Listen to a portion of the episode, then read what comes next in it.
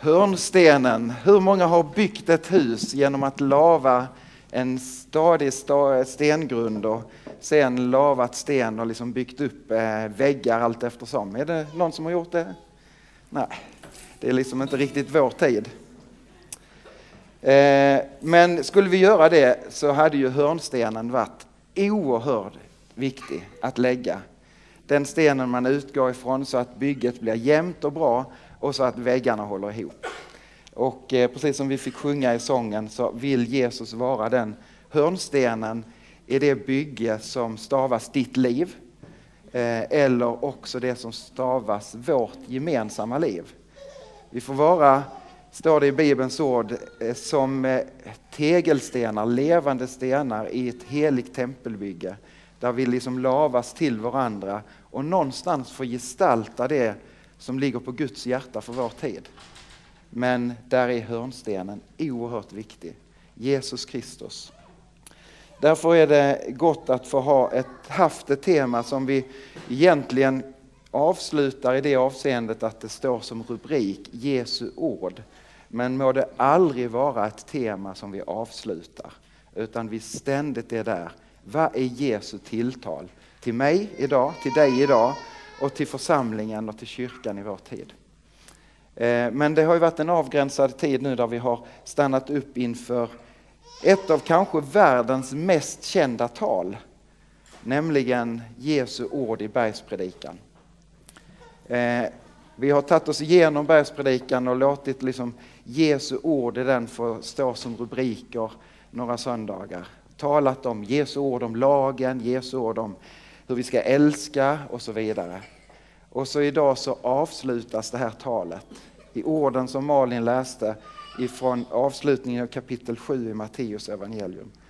Eh, där han avslutar det här talet med, med just hälsningen Den som hör dessa mina ord.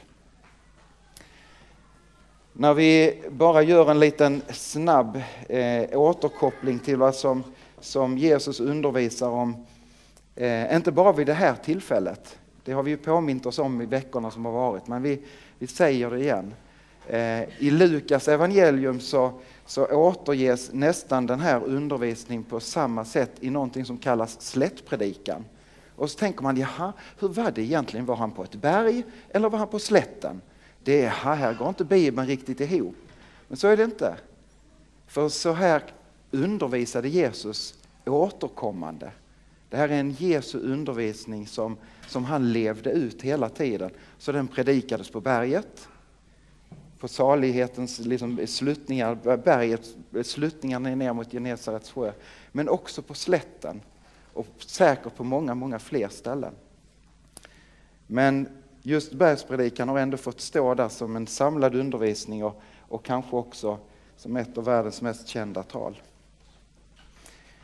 Läser vi i kapitel 7 i sin, sin helhet, bara liksom göra en liten, liten återkoppling, så, så börjar Jesus att tala om det som är angeläget för oss alla. Han säger, för vi gör det så lätt nämligen. Vi dömer så lätt varandra. Och så säger han, gör inte det. Döm inte varandra. Och så ger han den här bilden av att du ser så lätt flisan i din broders öga. Och alltså du ser felet hos din, din broder eller din syster och ska ge dig in och liksom börja pilla rent i ögat där. Han förstår bilden. Och så säger Jesus, men du ser inte bjälken i ditt eget. Och så säger Jesus, plocka först bort bjälken i ditt eget, sen kan du hjälpa din, din granne. Och det är att ha en självkännedom om sitt eget liv. Sen fortsätter Jesus att tala om det som han ofta talar om, där han inbjuder till bön och till att söka Herren. Be så ska ni få, sök så ska ni finna, bulta så ska dörren öppnas. Och så talar han om hur Guds hjärta pulserar av att han vill svara på bön. Gud är en far för dig och för mig som vill gott. Han vill ge gott in i ditt liv. Sen varnar Jesus när man fortsätter undervisningen här för de falska profeterna. Och så säger han, akta er för dem. De kan se ut som de kommer i fårkläder men de är som rovlustna vargar som bara vill förgöra. Och någonstans lyfter Jesus upp det som vi också så lätt kan stöta på. Saker och ting, alltså rörelser, tendenser, människor. Det kan se så rätt ut. Men det leder inte till livet. Där finns saker som vill lura oss bort ifrån Gud. Också saker som kan se så rätt ut för första liksom anblick. Och så säger Jesus att välj inte den där breda vägen, den liksom vida porten, där du bara så lätt glider med liksom, och försvinner i mängden. Och det här var väl inte så konstigt, liksom, hit går jag. Han säger den leder till fördärvet. Välj istället den smala vägen och den trånga porten som leder till livet. Och då tror jag Jesus talar om sig själv. För vad sa han också? Jo, jag är vägen, sanningen och livet. Ingen kommer till Fadern utom genom mig.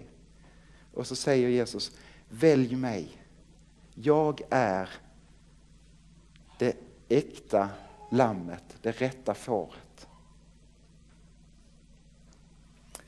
Och så kommer sen avslutningen. Och jag vill ändå för att vi får läsa det tillsammans ännu en gång. Där han avslutar det här ordet, eller den här undervisningen med orden. Den som hör dessa mina ord och handlar efter dem är som en klok man som byggde sitt hus på en berggrund. Regnet öste ner, floden kom, vindarna blåste och kastade sig mot huset, men det rasade inte eftersom det var byggt på berggrund. Och den som hör dessa mina ord men inte handlar efter dem är som en dåre som byggde sitt hus på sand. Regnet öste ner, floden kom och vindarna blåste och störtade sig mot hans hus och det rasade och raset blev stort. När Jesus hade avslutat detta tal så var folket överväldigat av hans undervisning, för han undervisade med makt och inte som de skriftlärda. När jag läser detta så tänker jag i de här stroferna, men, men i bergspredikan som helhet, så är det som en inbjudan från Jesus. Kom och slå följe med mig. Och det, det, är nästan så att man kan knyta det an till, till den kallelse som han kallade de första lärjungarna med. När Jesus han gick till Johannes döparen för att döpas så hade Johannes döparen ett par stycken lärjungar, Andreas och troligtvis Johannes som eh, hade följt Johannes döparen tid.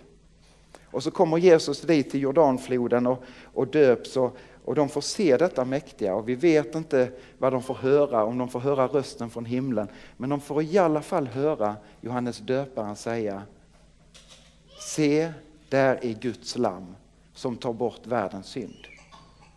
Där är lammet, där är det rätta fåret. Och, och någonstans så hade de ju med sig Johannes eh, döparens liksom hälsning att efter mig kommer en som är mycket större. Jag är inte värdig att liksom knyta upp sandalerna på hans fötter. Och så börjar han peka, detta är den mannen. Och det väcker nyfikenhet hos Andreas och Johannes. Så de kan inte låta bli, när Jesus går därifrån från Jordanfloden så, så kan de inte låta bli att följa efter. Och så följer de och så plötsligt så anar Jesus att de följer efter honom och han vänder sig om mot dem och frågar, vad vill ni? Tänk bara det. Det är en predikan i sig. Han vänder sig om, han är intresserad av när de följer efter och så frågar de, vad vill, vad vill ni? Äh, vad ska vi komma på? Har du ett förslag Andreas? Äh, var bor du rabbi?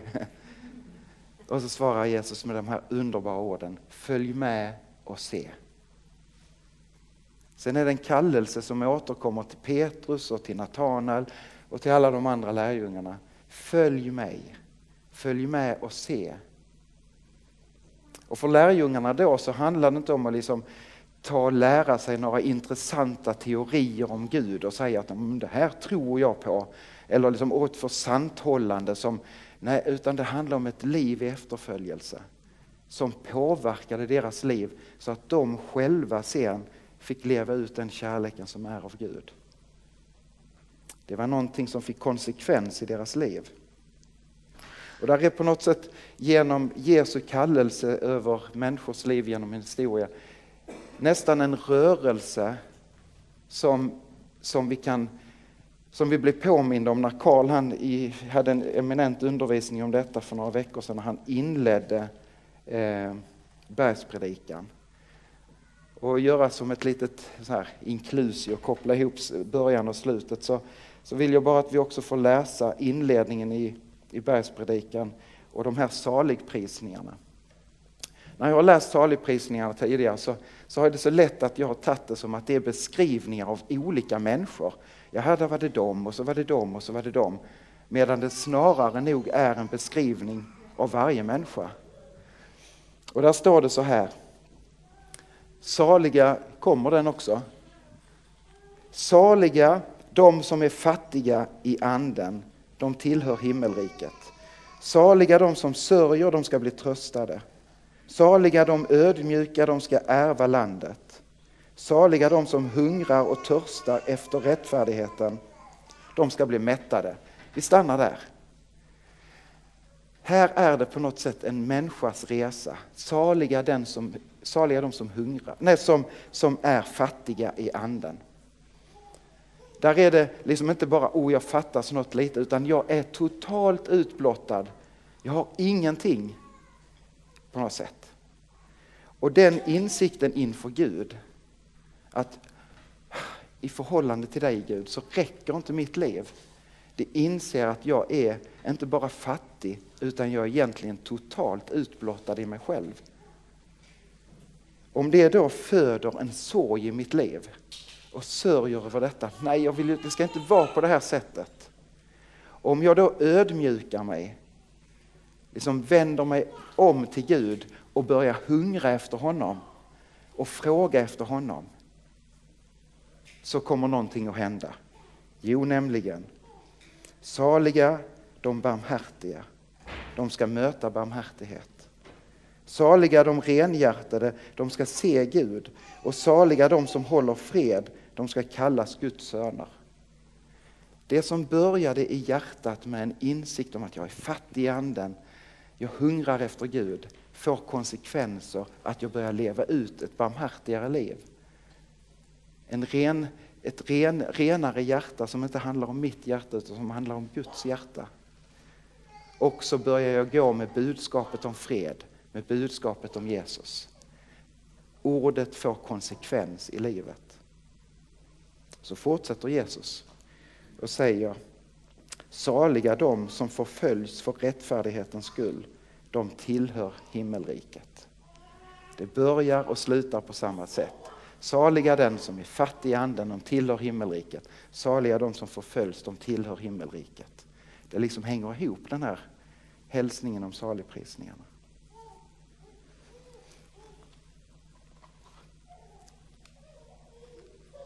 Så någonting började i lärjungarnas hjärta som fick konsekvens i deras liv. Men det kunde komma, eller kommer att komma, att kosta på att följa Jesus. Det kommer att kosta på att stå upp för sanningen i vissa ögonblick. Vi kanske inte riktigt märker det i vår del av världen. Men det är många som får märka på att vara förföljd för sin bekännelse till Jesus. Men vi får vårt att brottas med.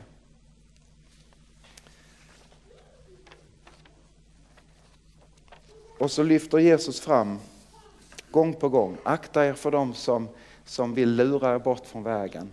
Också, också i den här alltså avslutningen när han pratar om huset på berggrunden, det ska börja storma och, det, och han säger då inte försök undvika stormen, men bygg på ett sätt som håller. Och jag tänker, vad väcker det för känsla i dig? När man säger att det finns ska säga, stora förutsättningar för att du kommer att få kost, det kommer att kosta på att du säger ett ja till Jesus. Det är ju väldigt uppmuntrande. Så, eh, men det kan komma kärva tider där det faktiskt blir på allvar att bekänna sig till Jesus. Vad väcker det för känsla? Jag tänker att jag lätt blir rädd. Och jag tänker det är inte så konstigt att så fort himlen uppenbarar sig kommer det en ängel eh, och som vi läser i Bibeln så är nästan alltid den första hälsningen, var inte rädd. Jesu avskedstal till lärjungarna när han är på väg till Getsemane trädgård så, så säger han, känn ingen oro, var inte rädda, tro på Gud och tro på mig. Han vet vad det är att vara människa. Vi blir så lätt rädda när det börjar storma omkring oss. Och så säger Jesus, se till att bygga på ett sätt som håller.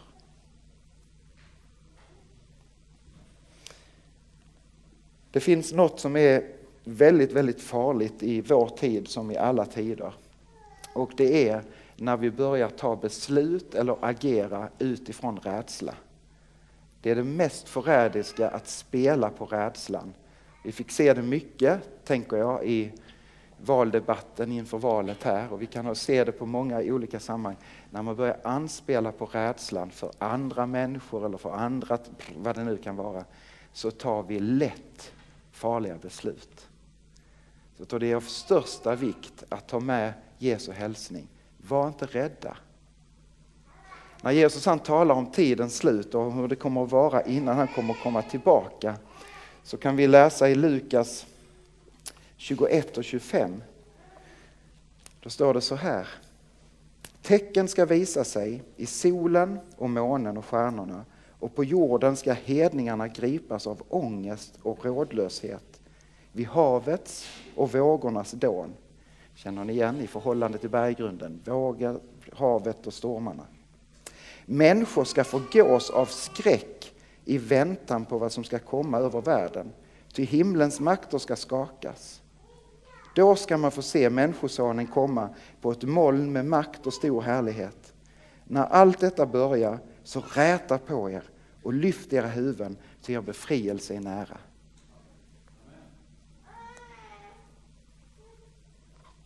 När stormen Gudrun slog till för många år sedan här, så knakade det i huset hos oss, eller hos oss, många av oss.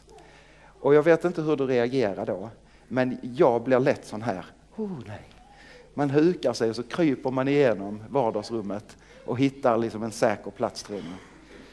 Och så blir det lätt. När vi blir rädda så kryper vi ihop i fosterställning och tänker snart går det över. Vi försöker skydda oss. Men Jesus säger att vi ska göra något annat när, när det som drabbar oss, som liksom kommer att få många att bli livrädda. Då säger han, räta på er. Res er upp, för er befrielse är nära. Det är inte så att vi ska resa oss upp och liksom, oh, vi ska stå upp mot det som är, är dumt, utan räta er mot mig, säger Jesus. För jag är på väg. Snart, mycket snart, kommer jag stå vid din sida.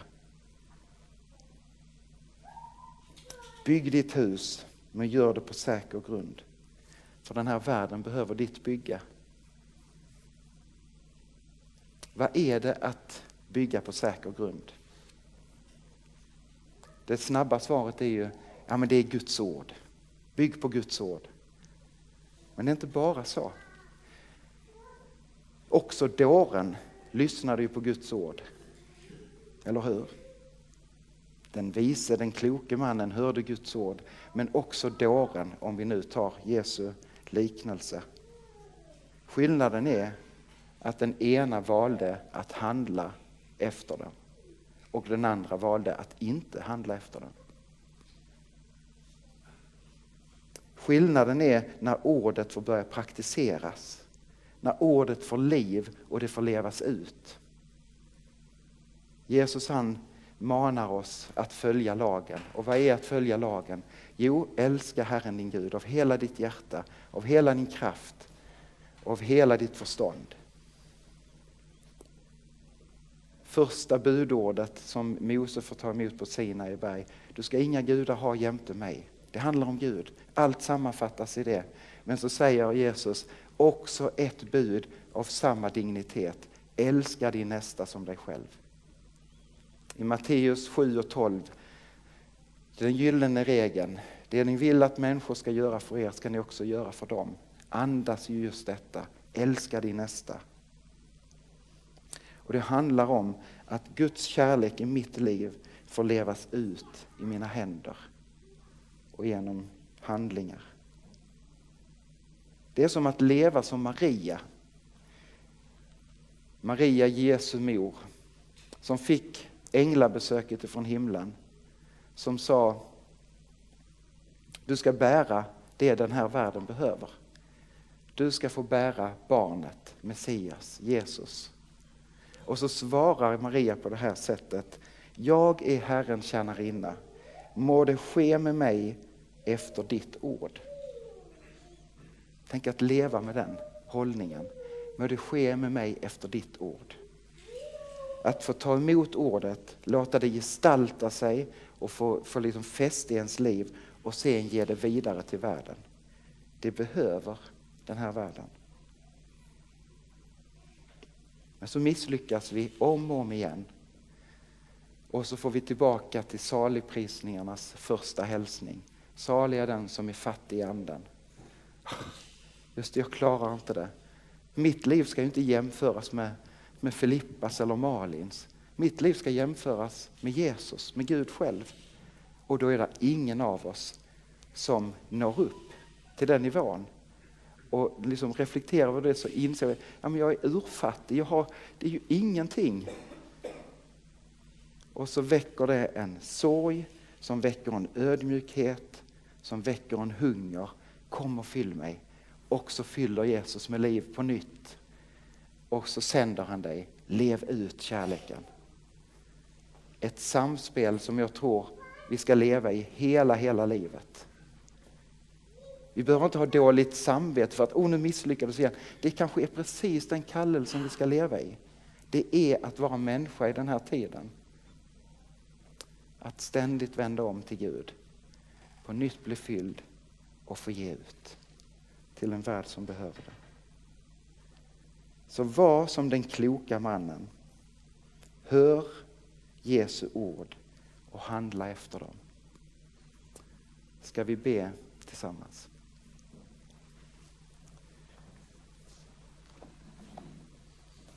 Jesus, vi tackar dig för att du är den som håller hela tillvaron i din hand. Också då det i våra ögon kan synas som att, att du har tappat kontrollen, så har du kontrollen. Och Jesus, vi, vi ber om att vi skulle få leva med ett öppet hjärta gentemot ditt tilltal. Hjälp oss att, att omsätta den kärlek som vi är älskade med. Hjälp oss att omsätta den i våra liv så att den kärleken får ges vidare till en värld som behöver.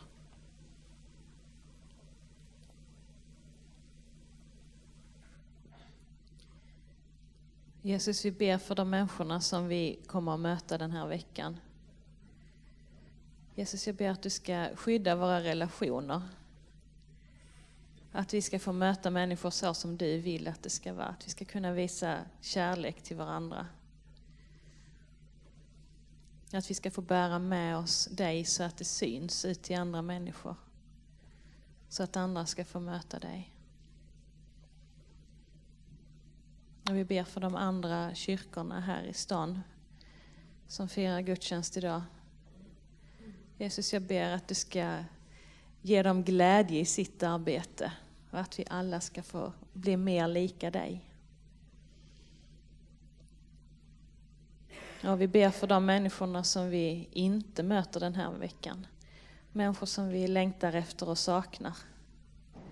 Jag ber Jesus att du ska göra avstånden korta till de människorna. Och vi ber för din kyrka över hela jorden. Jesus, vi ber speciellt för dem som, som möter våld, och hot och hat för din skull.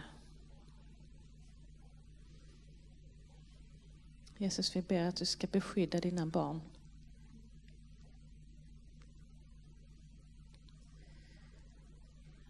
Du ska visa oss hur vi ska kunna möta hat med kärlek.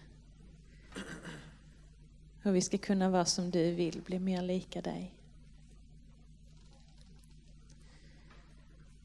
Tack för att du har lovat att du alltid är nära oss. Tack för att alla människor är nära ditt hjärta. För att du älskar oss alla. När vi vet om det och när vi inte vet om det.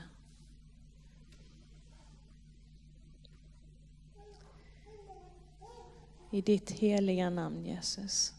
Amen.